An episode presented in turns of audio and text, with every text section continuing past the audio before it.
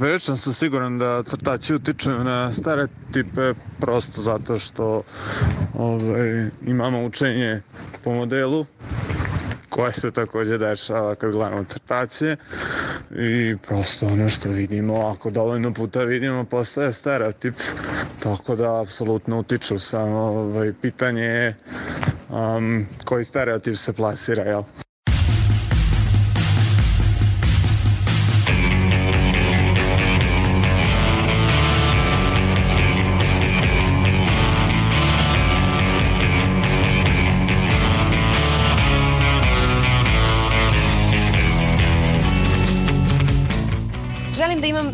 Velike oči i prćas nos i dugačku kosu i da se sve reši kada obujem cipelicu. Šalim se, ne želim. Nisam baš u tom fazonu. A nisu ni moje koleginice sa kojima pravimo podcast Reagu i nezavisnog društva Novinara Vojvodine. Ja sam Sanja Đorđević i vodim vas kroz ovo izdanje podcasta umesto Ive Gajić koja je na odmoru. U ekipi su još i Irena Čučković, Sanja Kosović i Aleksandra Bučko. I da, pričamo o stereotipima u crtanim filmovima sa naglaskom na rodne stereotipe, međutim, radeći na ovom izdanju, uvideli smo da postoje još nekoliko vrsta uverenja koje se plasiraju u crtaćima. Crtane filmove gledamo od malena i zapitali smo se da li to kako se određene uloge, izgled ponašanje, rešavanje životnih situacija i konflikata junaka i junakinja utiče i na naše formiranje kao odrasle osobe, pa i uverenja koje nosimo sa sobom kroz život. Hajde onda da krenemo iz početka i da počnemo sa time da li su stereotipi ključni da bismo imali dobru priču ili ne moraju da budu prisutni. Kako se kreira dobra priča, odnosno šta je potrebno za nju, govori nam Divna Stojanov, dramaturškinja. Najvažnije je protagonista, najvažnije je karakter koji ima određene prepreke, koji ima za početak neku određenu želju i želi da je ostvari, do kraja ima cilj i e, kroz prepreke koje prelazi on dolazi do ostvarenja svog cilja. Mislim da je to najvažniji element priče i do sada stvarno nisam pogledala ni jedan crtani, ni jednu pozorišnu predstavu, ni jedan film, a da nije imao dobrog protagonistu sa jasnim ciljem i željama, prepreke koje e, su mu postavljene do ostvarenja tog cilja i na kraju koliko je naravno happy end e, ostvarenje e, svoje zamisli. Stojanov je spomenula da nije pogledala ni jednu predstavu, film, igrani ili crtani, a da nije imao dobrog protagonistu. I u njenom odgovoru čujemo još jednu bitnu stvar za priču, a to je publika koja je prati. Da li su crtani filmovi, pa i filmovi uopšte, rezultat onoga što publika želi ili publika to želi da gleda jer je tako naučila? Igor Išpanović, komunikolog, priča nam o tome koliko su društvo i kultura povezani.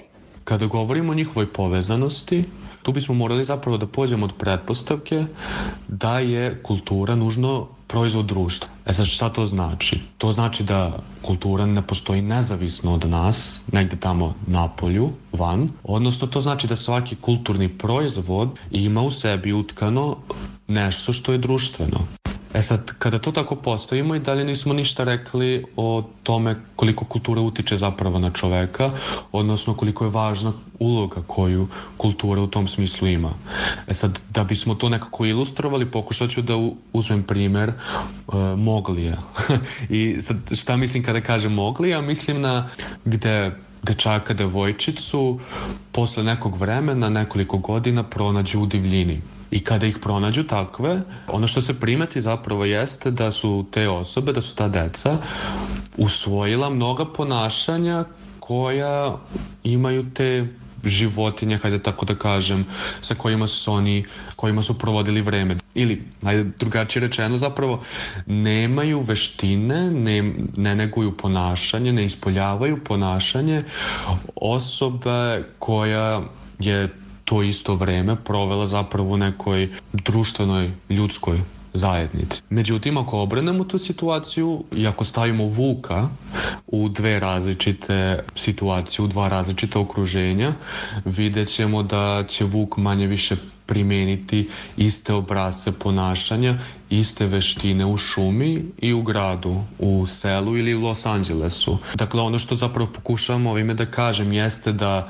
da zapravo ukažem na faktore, odlučujuće faktore koji igraju ulogu u oblikovanju određenih individua, u ovom slučaju deca, odnosno čoveka, jer vidimo da zapravo okruženje u kojem se neko nalazi a ne kao u slučaju Vuka neka biološko predodređenje ili geni utiču na to kako ćemo se mi razviti. I u tom okruženju u kom se ljudi razvijaju, u kom ljudi rastu i odrastaju, kultura kao, opet ponavljam, društveni proizvod ima veoma bitnu ulogu u tome da odredi kako ćemo se mi ponašati, kako ćemo znanje usvojiti, kako ćemo se mi prilagoditi onome što se nalazi neposredno oko nas. Dakle, ljudi više nemaju potrebu da razvijaju oštrije zube ili oštrije kanđe, ali imaju potrebu da se prilagode na druge načine ovaj, svom neposrednom okruženju, a jedan od načina na koji to rade, jedan od najvažnijih zapravo, jeste preko tog kulturnog prostora koji razvijamo oko nas. Pitale smo i vas, šta mislite o stereotipima u crtanim filmovima? I čućete mnogo interesantnih uvida u crtane filmove, od rodnih stereotipa pa sve do odnosa među ljudima koji se prikazuju i normalizuju. Prilično sam siguran da crtači utiču na stereotipe prosto zato što ovaj, imamo učenje po modelu koje se takođe dešava kad gledamo crtaće i prosto ono što vidimo, ako dovoljno puta vidimo, postaje stereotip, tako da apsolutno utiču, samo ovaj, pitanje je um, koji stereotip se plasira, jel? Sigurno da utiču, mada mislim da danas više utiču kao ovi novi crtaci nego oni koje smo mi gledali, ali mislim da generalno utiču malo više na one stereotipe kao ne toliko rodne uloge čak nego generalno kao šta je tvoj koncept zlikovaca, šta je dobro, šta je loše, šta je, naš kao nacionalnost i tako te neke stvari, te, te fore, kao kažem i provokacije koje se tamo nalaze, mislim da i kao ono, u stvari najviše utiču na koncepte lepote i ružnoće, ako mogu tako da kažem, po meni. Kao najviše kompleksa stvaraju što se tiče fizičkog izgleda. Mislim da deca nemaju još uvek razvijenu svest o životu, tako, tako da mislim da crtaće gledaju na drugačiji način nego odrasli, tako da mislim da ne stvaraju te neke stereotipe jer je možda teško zaključiti. Ja mislim da deca gledaju drugačije na svet nego odrasli. Ako gledamo sa tačke gledišta kad smo već odrasli i kad možemo eto dublje da uđemo u te neke crtaće,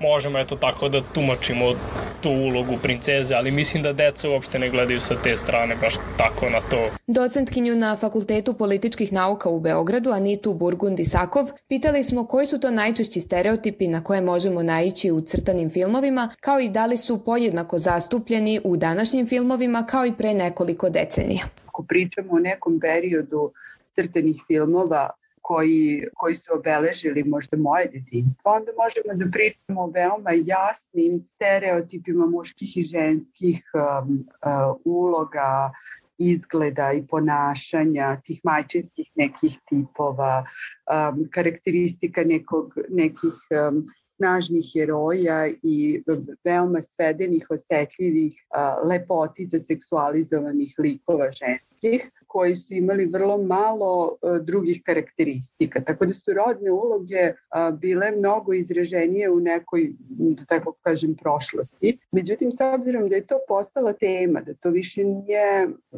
nešto o čemu, čak možemo da kažemo da se o tome dosta često razgovara. Ovaj, da, da je bilo puno priloga o tome do sada saznanja, analiza um, različitih vrsta i podcastova i emisija. Znači, postalo je javna tema crteni filmovi i njihov uticaj na formiranje uh, i rodnih uloga i stereotipa i ponašanja između ostalo kod dece. Onda je došlo i do mnogih promena. Mi sada nemamo tako izražene um, ili tako stereotipizirane muški i ženske likove u crtenim filmovima i Divna Stojanov dramaturškinja nam priča o stereotipima. Govori o dominantno muškim likovima u crtanim filmovima, ali ona ukazuje na još jedan problem. Osim što se žene čisto pojavljuju u pukoj ulozi domaćice, e, čak i kada su junakinje, njihove životne želje su zaista niske. Važno im je da se udaju. Postoje mnogi crtani filmovi, nažalost, koji podržavaju uh, rodne stereotipe. Uh, recimo, ja se sećam i crtanih filmova i Dexter uh, i Kremenko koje sam ja gledala kada sam bila mala, koji imaju potpuno neku drugu priču, bave se nekim drugim temama, ali uvek će majka da se bavi kućnim poslovima u tim crtanim filmima, a otac ide na posao, zarađuje novac, vozi kola i tako dalje. Pročitala sam jednu studiju uh, Ginny Davis koja je radila studiju za Institut za rodne studije i medije.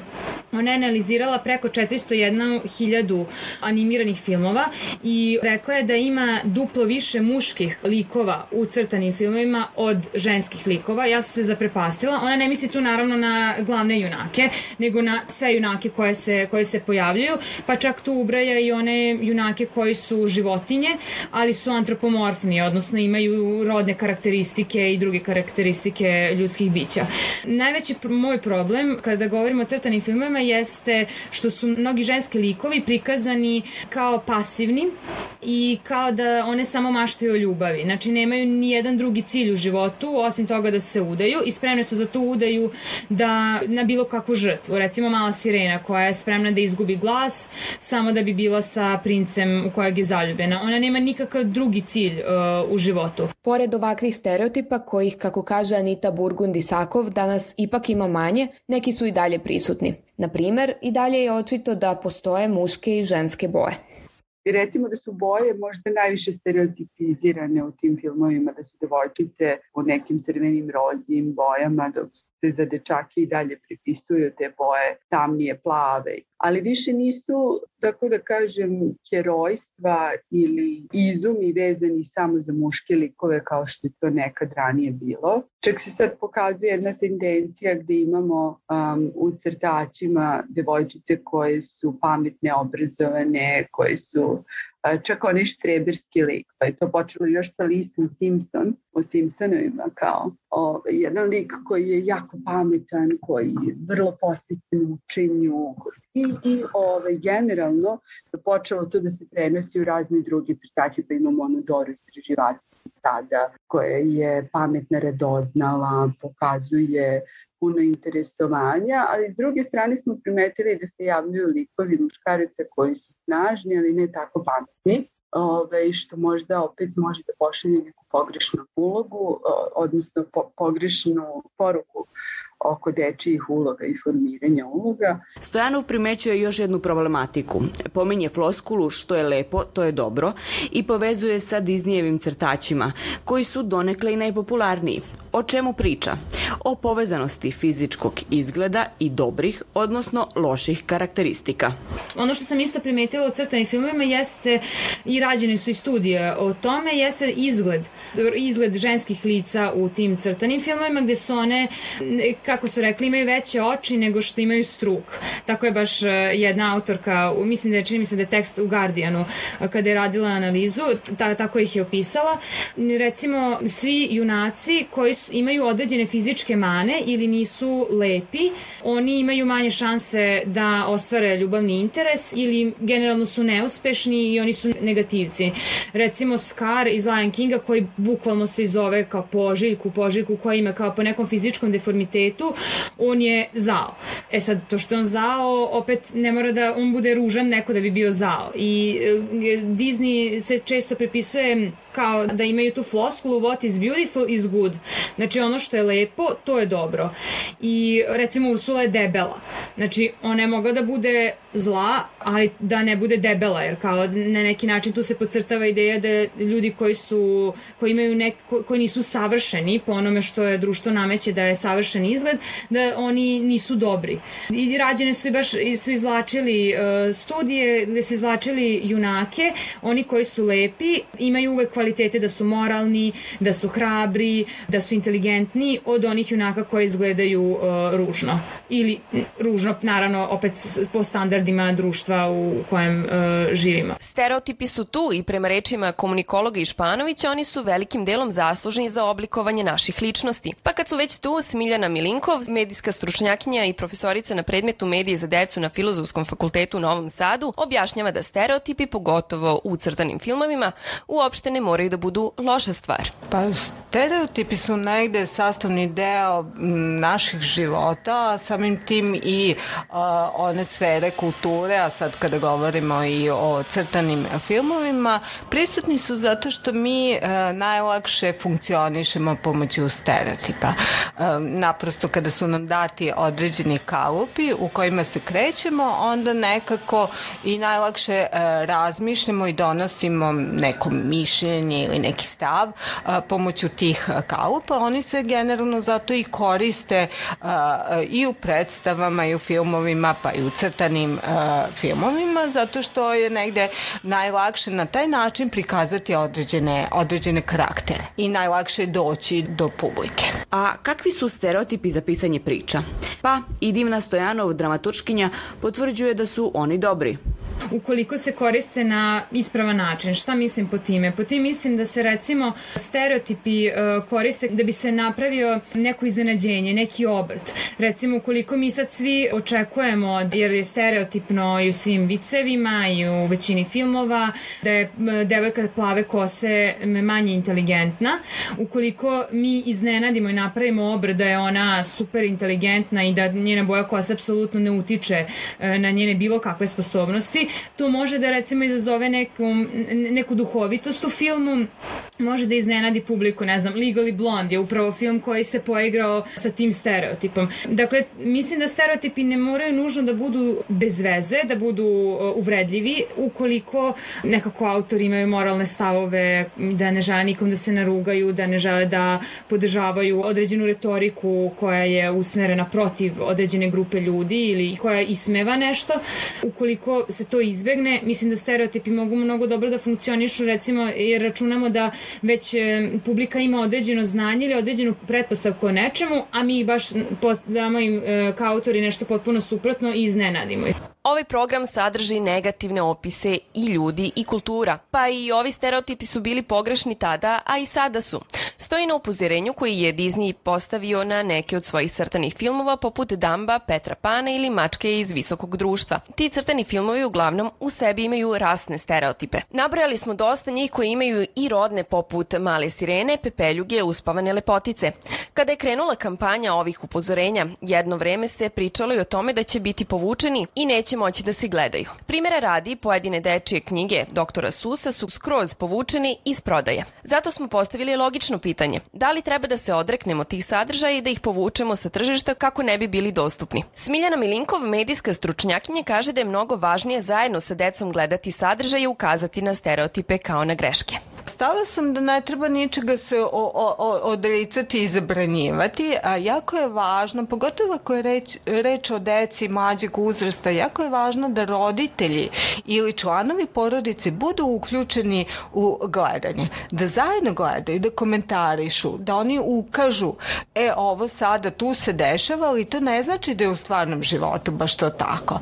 Znači, taj upliv sa strane je u stvari suštinski da ono što deca deca gledaju naprosto neće izazvati neke preterane negativne posledice. Inače se teoretičari i, i negde ne, ne slažu u tome koliko recimo sam neki crtani film koji uh, promoviše agresivnost, nasilje, zaista doprinosi pojavi nasilja kod nekog deteta. Naprosto dete nije ravna ploča pa sad odjednom prima sve ono što se, što se nudi sa strane. Naprosto različiti su faktori koji utiču, utiču na to kako će dete razumeti određeni sadržaj, ali zato i naglašavam, jako je važno da je u okolini deteta neko ko je medijski, digitalno pismen i ko razume i može da pojasni u čemu se tu radi i da u stvari ono što jeste realan život je nešto sasvim drugačije. Iako smo u prvom delu ankete od vas čule kako ih zapažate, u anketi ste primetili da stvari sa današnjim crtačima idu nabolje.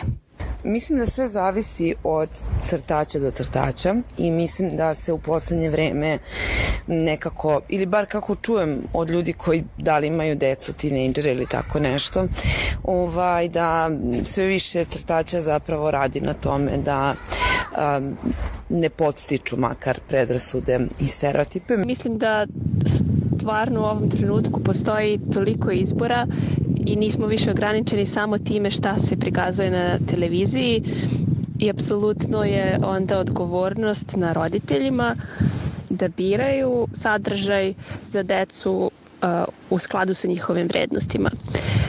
Prosto smo sada svi izloženi u svakom obliku um, nekim stvarima koje stvaraju stereotipe i mislim da se na kraju sve svodi na, um, na vrednosti koje se uče kod kuće. Neće jedan crtač promeniti uh, promeniti dete, ali ako se ta vrednost gaji posle u, uh, u domu, onda de, definitivno uh, crtani film može da potraži razvoj.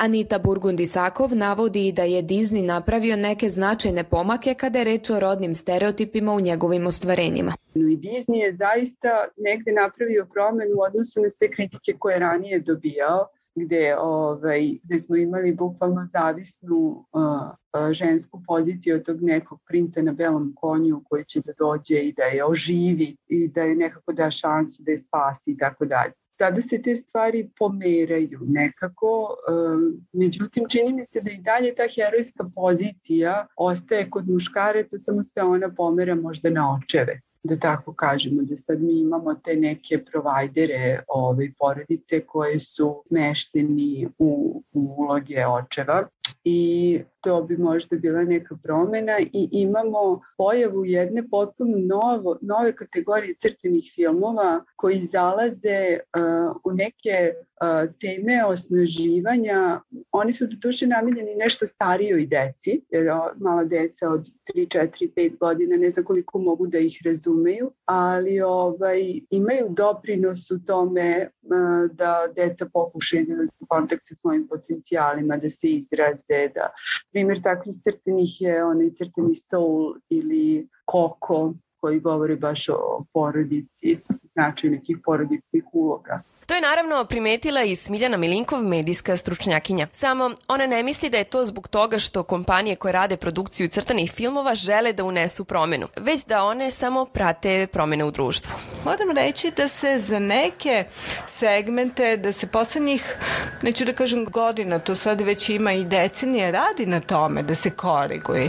Pa recimo mi i u, ako pomenemo Disneyve princeze, mi više nemamo bespomoćne devojke koje čekaju uh, da, da dođe princ da ih spase, nego naprosto imamo devojke koje su aktivne, koje preuzimaju inicijativu, koje su pametnice, koje su hrabre, imamo vrlo ozbiljne junakinje. I to su dobri modeli i negde, moram reći, ne verujem ja da je baš i, i Disney produkcija ili bilo koja druga produkcija baš previše razmišlja o tome uh, da li će širiti pozitivne i negativne, nego mislim da se više oni a, prate on ono što, što su neke promene u društvu i reaguju. Jer danas, današnje devoj, devojčice uh, negde, nadam se bar da se vaspitavaju tako i uče da budu aktivne, da budu preduzetne, da budu hrabre, da ne, ne čekaju princa na, na belom konju, nego naprosto da mogu same svoj život da biraju i uređuju onako kako,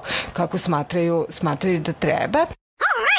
Nekako se nametnulo da pričamo o položaju žena u crtanim filmovima. Verovatno je to i logično s obzirom na to da ženski likovi jesu češće postavljeni u stereotipne uloge domaćice, princeze kojoj je potreban princ na belom konju za spas i tako dalje. Međutim, to i nije tako, a to primećuje Milinkov. Mislim da negde se više vodi danas računa o tome da se ojačaju ženski likovi u crtanim filmovima, dok se, mislim, muškim likovima i dalje onako su oni prilično veoma uh, stereotipizirani u smislu da oni moraju da budu agresivni, moraju da budu hrabri, njima se, njima se ne dopuštaju osjećanja, uh, njima oni redko kad su tužni. Znači, sve ono što u stvari današnji dečaci nisu niti bilo kom periodu znači jedna osoba nije uvek hrabra, jaka, snažna i mora da pobeđuje, pobeđuje sve i mislim da je to neke vrlo loš model koji se, koji se nudi deci. Divna Stojanov dramaturškinja skreće pažnju na evropsku produkciju crtanih filmovima i to kao primere dobre prakse. Ona spominje režisera Toma Mura iz Irske, koji često radi u koprodukciji sa Francuskom i Belgijom. Drugačija je potpuno i animacija e, i njegov pristup e, i vizualni identitet tih crtanih filmova je drugačiji. To su dugometražni e, filmovi. Song of the Sea i Wolf Walkers 2020. izad film i on je bio u konkurenciji za Oscara. Znači, evo ne govorim sad o nekim marginama animiranog filma. Oba filma su protagonistkinje i čak nema, ne postoji taj neki ljubavni zaplet.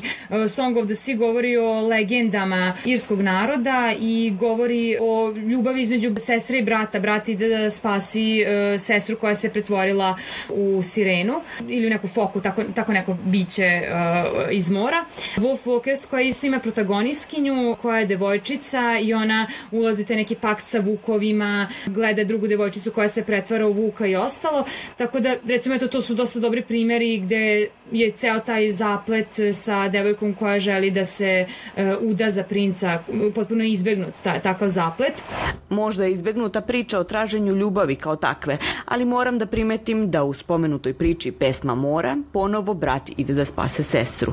Delom to i jeste zato što je priča urađena prema irskoj legendi, ali zaista ne mogu da se otrgnem ideji da nam je jako teško da ove tipove stereotipa prevaziđemo.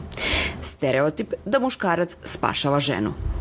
Komunikolog Igor Išpanović mišljenja je da su stereotipi koristan mehanizam zbog pojednostavljivanja stvarnosti i da ih ne treba izbaciti, izbrisati iz našeg sistema, već treba da ih stavimo u kontekst i da ih razumemo.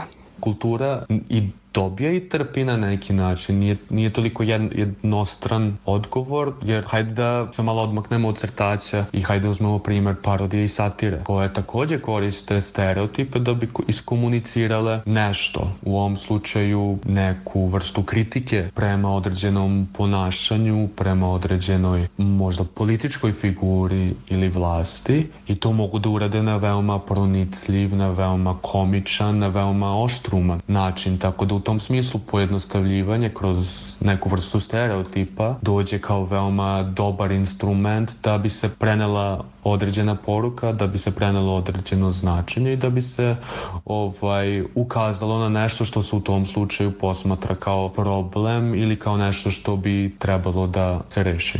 I tu se onda opet vraćamo na ono pitanje, pa onda ok, šta sa njima raditi, odnosno da li treba da se odreknemo tih crtanih filmova ne treba da se odreknemo. Mislim da, da je kontekst, odnosno kontekst u kom ćemo ga razumeti, kako ćemo ga razumeti i sa kime ćemo ga razumeti, veoma bitan. Smiljana Milinkov, medijska stručnjakinja, dodaje još jedan veoma važan aspekt, medijsku pismenost. Jer na taj način zapravo možemo da oblikujemo detetovu, pa i svoju ličnost i razmišljanje. Razgovarati o tome šta smo gledali i stavljati ga u kontekst. Medijska pismenost bi trebalo da bude rešenje po pitanju mnogih stvari, a kažem i kad je reč o a, crtanim filmovima, jer se deca najpre sreću, i to od vrlo ranog uzrasta, kada počinju još i bebe da gledaju Baby TV, a, pa nadalje susreću se upravo sa crtanim, crtanim filmovima.